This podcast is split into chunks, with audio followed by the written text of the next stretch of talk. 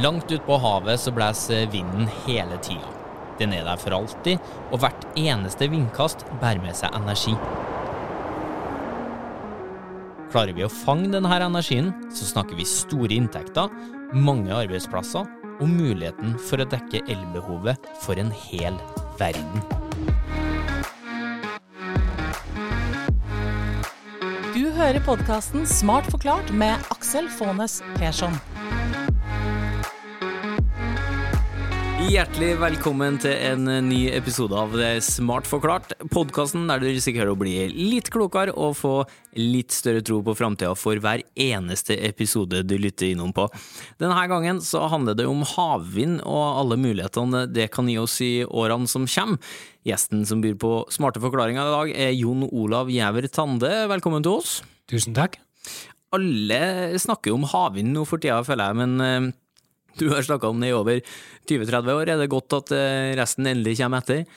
Ja, det er skikkelig gøy, da. Vi står jo nå på startstreken til et stort race. Eh, det er kjempekonkurranse om å ta en andel i det store havvindmarkedet som er under utvikling nå. Havvind er stadig vekk, eller blitt en stor industri allerede, men den kan bli gigastor.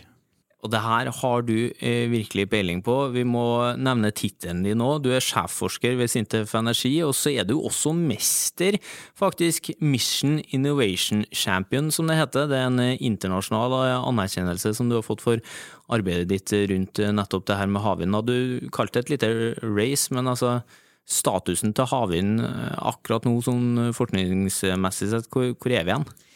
Hvis vi sammenligner med landvind, så er havvind der hvor landvind var ca. i år 2000, hvis vi tenker på størrelsen på industrien eller antall gigawatt installert i verden i dag. Landvind i år 2000 var ca. 20 gigawatt installert i verden. I dag er den 700 gigawatt. Havvind kan få samme utvikling de neste 20 årene. Og så sier du at det kan føre til en, en stor ny industri, men altså Eh, hvis vi ser helt inn på topphallen her, da, hvor langt kan, kan havvindeventyret nå? Eh, Europa har mål om at havvind i 2050 skal dekke en tredel av elforbruket i Europa.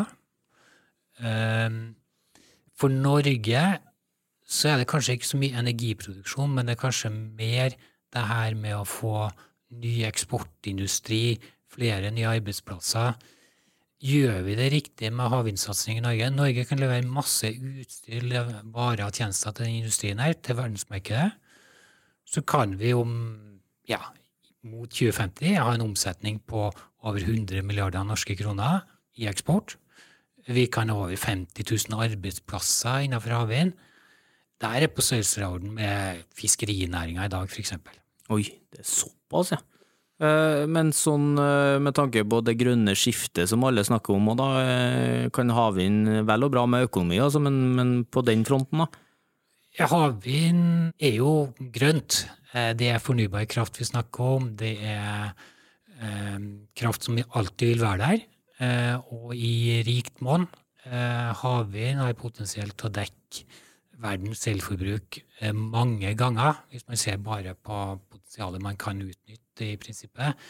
Ingen som tenker at man skal gjøre det, men man kan bygge ut veldig mye. En tredjedel av verdens selvforbruk er helt realistisk eh, fram mot 2050. Det betyr egentlig at vi står overfor en revolusjon av eh, elproduksjonssystemet vårt, energiproduksjonssystemet vårt, og eh, veldig mange nye muligheter for nye grønne arbeidsplasser, eh, mer eksportrettet virksomhet innenfor den sektoren i Norge. Og i dag eh, så er havvind allerede en stor eksportindustri for Norge. Vi eksporterer for over 10 milliarder i året. Eh, den kan bli mange ganger høyere hvis vi gjør de riktige grepene. Og du skal få eh, si de riktige grepene til oss etter hvert. Men så tenker vi er jo godt kjent med det her med vindturbiner på land fra før av. Mm. Men hva er det havvind kan gi oss som vind på land ikke kan? Havvind skiller seg fra landvind på den måten at man åpenbart kan bygge havvind langt til havs. Langt til havs, vil si så langt fra land at du ikke ser dem fra land. Eh, tenk på olje- og gassinstallasjonene vi har i Nordsjøen i dag. De aller, aller færreste har sett en eh, olje- og gassinstallasjon, bortsett fra dem som jobber der. eller hvis man er ut, langt ut til havs. Men altså det er der ute vi snakker om at vi kan ha store havvindturbiner, store havvindparker. Og de kan produsere veldig mye energi. Du kan bygge kjempestore anlegg som kan produsere i prinsippet like mye energi som vi får fra olje og gass. Men istedenfor at olje- og gassressursene blir da brukt opp i løpet av 20 år eller 50 år, eller hvor lang tid det nå tar, så er havvindressursen der forever. Alltid. Vi kan fortsette å produsere ut i evigheten, og det er det som gjør det spennende. Mm. Men er det sånn at er vinden bedre uti der enn den vi fanger opp på land? Eh, vinden til havs er jevnt over kraftigere. Eh, man har større vindressurser til havs, jevnere vind, og du har større areal selvfølgelig du kan utnytte. Eh, og det er mindre konflikt med andre interesser, med, også i forhold til eh, natur osv. Så, videre. så eh, mange gode grunner til å tenke på havvind istedenfor eh, landvind. Eh, og så er det at norsk leverandørindustri har store muligheter til å komme med teknologi og tjenester til havvind. Så det som vi har gjort med olje og gass, er at vi har bygd opp en stor norsk leverandørindustri til olje og gass. Det kan jo nå bli en stor norsk leverandørindustri til havvind. For det er veldig mye av samme kompetansen og tjenestene man trenger. Um, så en oljearbeider i 2050 er kanskje en havvindarbeider. Mm. Spennende. Eh, men da begynner jeg å tenke litt sånn, altså hvis eh, Altså det har jo vært masse bråk i Norge rundt eh, vindkraft på land. Hvorfor har ikke vi bare gått for, eh, for havvind med en gang, da? Ja, det er jo et godt spørsmål. Men eh, det er jo sånn at havvind er jo en, stadig vekk en ganske ny teknologi. Og eh, inntil for ti år siden så var havvind eh, veldig dyrt, for å si det litt sånn eh, brutalt og enkelt. Eh, mye dyrere enn landvind. I dag så kan du bygge bunnfaste havvindparker. Jeg skal forklare hva det er. Eh, til en kostnad til rundt 50 øre per kilowattime. Da begynner vi å snakke om at det er konkurransedyktig uten subsidier å bygge ut bunnfast havvind. Bunnfast havvind, vil si at du har turbiner akkurat som de er på land, istedenfor at de står på land, så står de nede i havbunnen. De er fundamentert nede i havbunnen. Og det bygger man på 20-30-40 meters dyp, den type havdyp. Bora fast og festa i Ja, og de går langt ned i havbunnen, og det er kanskje 60 meter ned i havbunnen. Eh, så de står ordentlig godt fast ned i havbunnen. Er Det ikke noe sjanse for at de skal løsne og flyte av gårde, så de står ordentlig godt fast. Men der er jo selvfølgelig ikke helt enkelt å gjøre offshore òg. Du, skal, altså, du er ute på 30 meters dyp, og så skal du bore deg 60 meter ned i havbunnen og sette en turbin på kanskje eh, 200 meter høy, eh, med blader som er kanskje 100 meter lang. Eh, og det skal driftes i 30 år, 24-7. Eh, Det er tøft. Eh, kunne man da istedenfor bygge flytende turbiner? Ja, kunne man ikke det? Jo, det kan man jo. Og der er jo spørsmålet hvordan gjør man det best? Og det morsomme her er at der er Norge i en pionerrolle. Vi har bygd verdens første flytende turbin. Eh, Den fungerte etter eh, colaflaskeprinsippet. Eh. Colaflaskeprinsippet er jo velkjent. For det er det ikke for meg. Eh, jo, altså colaflaskeprinsippet. Hvis du tar en flaske cola, eller en annen brusflaske, Solo for den saks skyld, fyller den opp med sand i bunnen, setter på toppen, hiver den ut på sjøen, så ser du at den flyter med bunnen ned. Den flyter ganske stabilt i vannet. Hvis du tar en sånn liten eh, leketurbin og setter oppå toppen her, så har du flytende turbin med colaflaskeprinsippet.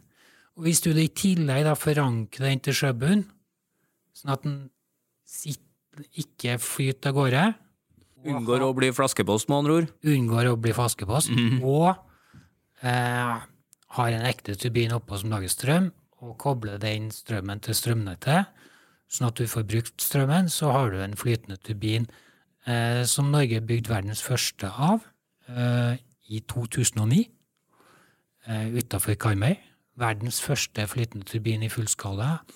Hywind ble den kalt, av Equinor som bygde den, med god hjelp fra Sintef på å utvikle kontrollsystem for å få det her til å realiseres.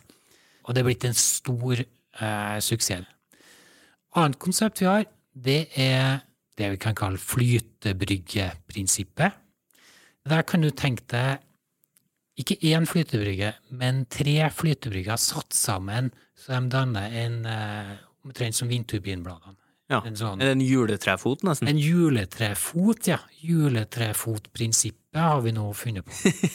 Eh, Veldig smart forklart. Takk for det. Ja, det er kanskje, for å si litt om dimensjonene på det her, da. Vi snakker ikke om colaflasker og små flytebrygger. Her snakker vi om vi snakker om colaflaskeprinsippet, så er egentlig den laga av stål eller betong, er kanskje 100 meter høy, eh, og veier veldig mange hundre tonn eh, for å flyte stabilt i sjøen. Og kunne bære en tilsvarende veldig stor turbin på toppen med 100 meter blader og i hele tatt skal den produsere masse energi. Da. Eh, flytebrygge, eller juletrefotprinsippet, er kanskje 100 meter langt, eh, en sånn fot, kanskje 50 meter høyt. Så det er store konstruksjoner. Begge deler utvikles, og på begge områdene har vi noen norske selskap som eh, jobber med det her. Equinor er aktiv, Aker er aktiv, og det er også flere andre selskap som jobber aktivt med, med det her i, i Norge og, og ellers i verden. da. Så det er et reis på gang. Men det her er sikkert et dumt spørsmål, men for meg, når du da plasserer en eh, flere hundre meter høy vindmølle eller vindturbin på toppen av det der, da, altså hvordan eh, sørger du for at det der ikke bekker over ende? Jo, to, to ting man gjør. da. Det ene er at man har ballast. Altså Den sanden i bunnen av den flaska det er jo det som gjør at det holder seg stabilt i utgangspunktet. Så ballast er viktig. Og så kan man jo tenke at man, bare man har nok ballast, så flyter jo det her. Har man veldig mye ballast, må man altså ha veldig mye oppdrift, og da blir konstruksjonen dyrere. Det gjelder jo å bruke så lite stål og betong som mulig egentlig for å få energien vi trenger ut. Og da er det liksom, kan man gjøre kontrollsystem i tillegg, da, som gjør at du kan flyte stabilt i vannet med minimalt bruk av stål og betong. Og der har eh, Sintef eh, sammen med Equinor og andre eh, funnet på smarte ting på kontrollsystemet på den colaflaskeprinsippet, Hywind-turbin. Eh, der var Sintef med å utvikle det kontrollsystemet som, som brukes i dag. Ja, for hvor avansert er de her tur- turbinene? Man kan jo tenke at en vindturbin er en ganske enkel konstruksjon, og på mange måter så er den jo det. Eh, tre blader drives rundt av vind. Eh, de bladene festa til en aksling som driver en generator eh, som produserer strøm, så hvor vanskelig kan det være? I virkeligheten så er jo det et avansert kontrollsystem blant annet som styrer hvordan bladene dreies. Bladene går ikke bare rundt, de kan også dreies, altså pitches. Jeg vet ikke, nå prøver jeg å vrikke på hånda Du gjør litt sånn som vise, som vi som har sittet på på fly, ser at ja. flyvingen eh, går litt opp og ned på Ja. enkelte deler av den. Det er, det er litt sånn På flyvinger så har man flaps, som man Flaps er ordet, vet du. Ikke sant? På vindturbiner så har man ikke flaps, da dreier man hele bladet. Mm. Men det er litt samme funksjon, da. Um, og man styrer turtallet for å maksimere produksjonen. En moderne turbiner er sånn at når det blåser litt, så går de langsomt rundt. Når det blåser mer, så går de fortere rundt. Og det er gjort sånn at du skal få optimal virkningsgrad til enhver tid og utnytte vinden best mulig. da. Men hvor mye energi er det i ett vindkast ut på havet der, da? Ett vindkast skal jeg ikke si, men de største turbinene eh, For eksempel så bygges det en stor vindpark på Doggerbank nå, og der er det turbiner som er 14 megawatt. Det er store turbiner. De har et eh, vingespenn på 220 meter, altså hvert blad 110 meter. Eh, og én rotasjon, én rotasjon av en sånn turbin er nok til å gi kraft nok, eller strøm nok, til én husstand i ett døgn. Det er såpass, ja. Det er såpass. Én rotasjon. går de selvfølgelig ganske sakte rundt, men det er i løpet av noen sekunder så lager man nok strøm til én husstand i ett døgn når det blåser godt ute i Nordsjøen. Men allikevel så er det her eh, for dyrt ennå til at det er nok penger til å satse ordentlig, eller? Ja, nå, eh, står, nå er det jo veldig mange land som satser veldig mye på det her. EU kjører jo i gang. De vil ha 300 gigawatt havvind i Europa innen 2050. Eh, de vil at havvind skal dekke en tredjedel av forbruket innen 2050, så her, her gønner man på. Norge har jo nå åpna to områder for havvindutbygging. Eh, det er kjempeinteresse for å bygge på de to områdene her. ene er langt ute i Nordsjøen, bunnfast. Så langt ut at man vil ikke se det fra land. Og det andre er eh, på dypt vann, eh, litt lenger eh, nord i Norge, eh, utafor Utsira. Og, og, det er stor interesse for å bygge ut begge deler.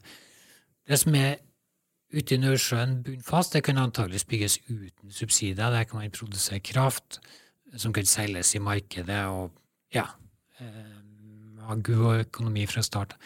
Flytende i dag er stadig så ny teknologi at kostnaden er kanskje over en krone per kilowattime. Men vi forsker på det. Eh, det skjer innovasjon.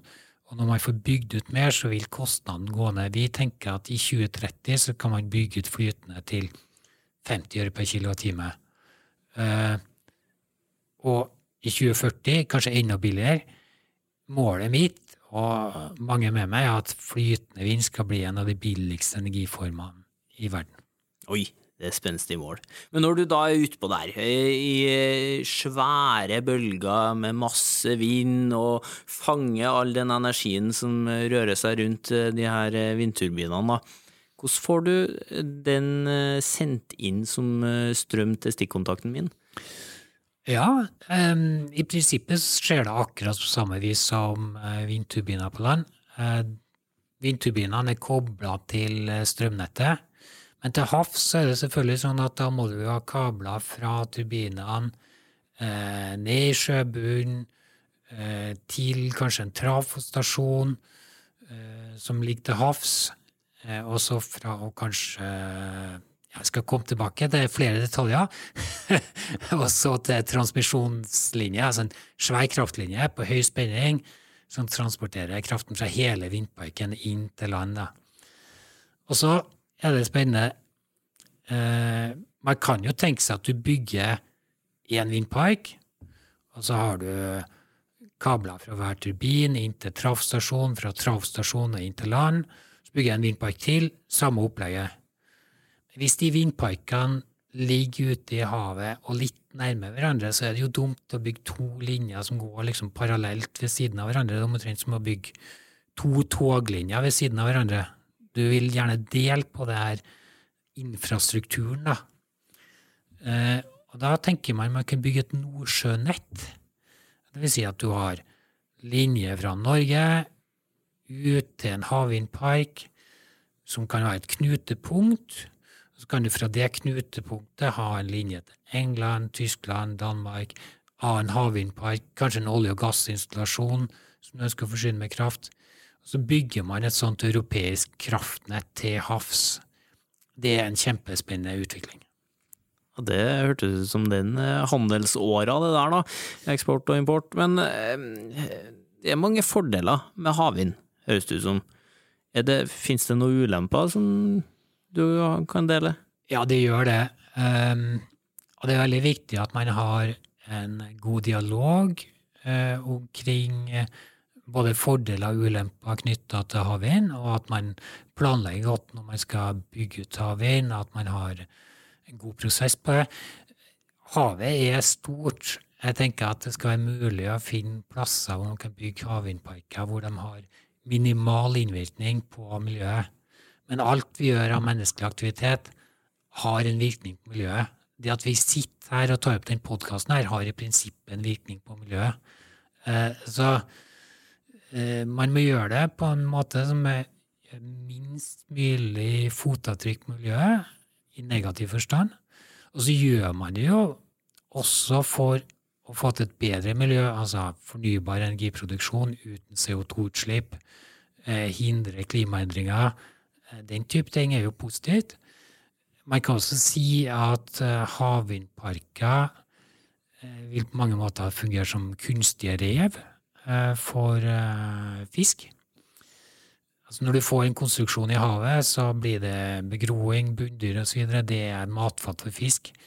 Man kan heller ikke drive og tråle innenfor en sånn park, så det blir litt sånn uh, freda område for fisken.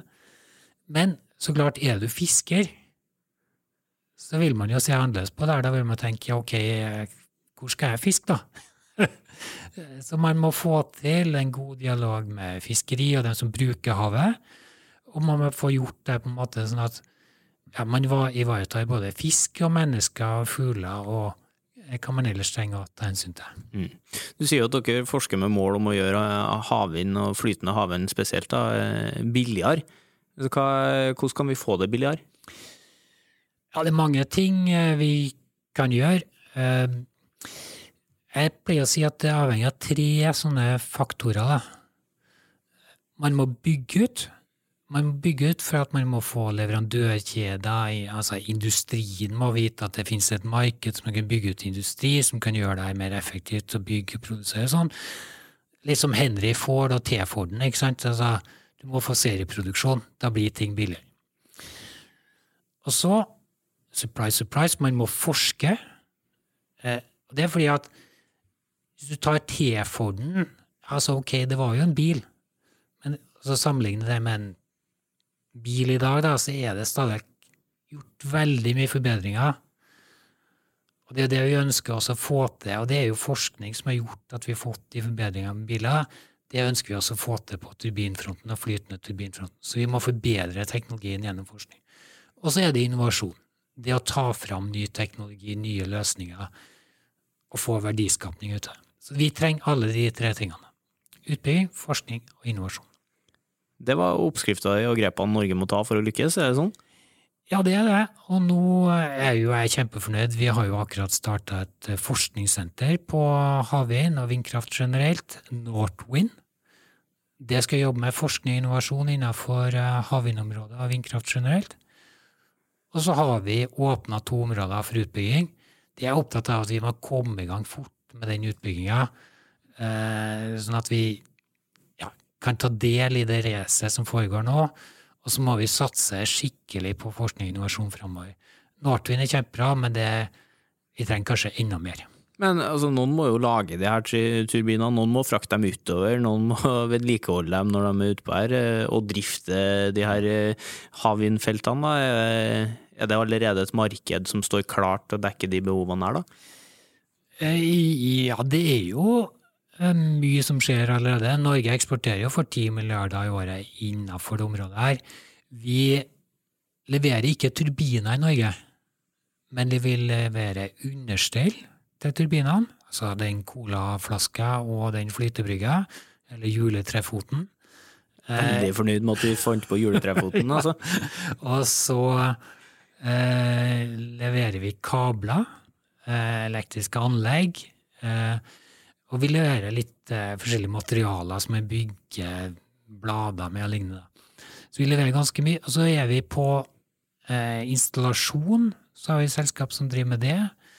På drift og vedlikehold, og på kontrollsystem og overvåkning. Så vi har mye industri i Norge som kan det her, da. Og ikke minst det her med å planlegge og bygge store havvindparker er også en industri i seg sjøl, altså hvor du bare kjøper tjenester, men hvor du designe det sjøl.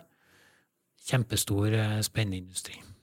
Det er jo et bilde som dukker opp i hodet mitt hver gang det blir snakka om eh, havvind og det når man flyr inn mot eh, København og ser vindturbinene som står ute i havet der. Det er jo en del hvis du skal begynne å telle dem. Men hvis du begynner å telle antall vindturbiner du ser for deg ute i Nordsjøen til slutt nå, hvor går det an å sette et tall på det? Hvor mange ja. trenger vi? Ja, Nei, nå Eller hvor mange ønsker du deg? ja. Nå skal jeg være litt uh, forsiktig, da. Um, fordi jeg har ing... Jeg skal si Eller jeg skal ikke være forsiktig, jeg skal si min hjertens ærlige mening. Jeg har ingen ambisjon om at vi skal plastre Nordsjøen med vindmøller, og det tror jeg ingen som har lyst til. Vi skal bygge eh, havvind sånn at det kan dekke en del av elforbruket vårt, sånn at vi kan få til en fornuftig utvikling av verdens energiforsyning. Eh, havvind er en mulighet til å dekke en, jeg tenker en tredel av verdens energiforsyning sånn en gang i framtida. En gang i framtida er det sånn science fiction-bilde at vi kan bygge havvindturbiner skikkelig langt til havs, ikke i Nordsjøen, men altså ute der hvor du ikke er, ikke sant, men hvor det bare blåser hele tida. Der kan det ligge turbiner og bare produsere hydrogen. Så kan det komme båter som henter den hydrogenen, eller hva slags gass de nå lager, med jevne mellomrom, som kan være autonome båter som bare går der. Og så kan vi ha en rik tilgang på energi med minimal innvirkning på miljøet. Eh, hvor mange som skal ut i Nordsjøen? Nei, hvis vi sier 100 gigawatt, 200 gigawatt, et eller annet her Det kan høres mye ut, men hvis man begynner å plassere ut i parkene, sånn, så vil man si at det er masse plass og store muligheter. Vi snakker bare om en bitte liten andel av Nordsjøen man trenger å bruke for å få til det. Det er kjempespennende det du driver på med, og eh, det er nesten så du bare må få slippe eh, ut nå av dette eh, podkaststudioet vårt for å gjøre verden et hakk bedre på den grønne fronten. Da. Hvis jeg nå da skal begynne å glede meg til jeg får store deler av havvind gjennom stikkontakten min, hvis du skal gi oss et årstall, når, når kan jeg begynne å tenke at denne mobilen lader jeg nå med havvind? Ja, hva skal jeg si? Vi er jo en del av et europeisk eh, kraftsystem, så selv om vi ikke bygger ut så veldig mye i Norge før kanskje 2030, og håper jo det kan komme noe før uh, i, i, stor skala, men sånn 2030 tenker jeg for Norge. Men i Europa så bygger man jo ut masse allerede. De er jo en del av det europeiske kraftsystemet. Uh, så i prinsippet får du jo litt havvindstrøm i stikkontakten allerede nå. Og mer skal det bli. Jon Olav Gjæver Tande, tusen takk for at du delte av kunnskapen din her i Smart forklart. Tusen takk, det var skikkelig gøy. Ja, det var Jeg syns jeg var fortsatt fornøyd med både eh, juletrefot og colaflaske. Det, det, var nye forklaringer som dukka opp underveis her. Eh, takk også til deg som hørte hørt på oss. Det setter vi enormt stor pris på at du gjør. Og så må du gjerne spre ordet om eh, Smart forklart hvis du kjenner noen som kunne hatt glede av å bli en fast eh, lytter. Vi, vi kommer tilbake med flere episoder, vi, om ikke så altfor lenge. Og fram til da så skal forskerne våre her i Sintef gjøre det de for å utvikle teknologi for et bedre samfunn.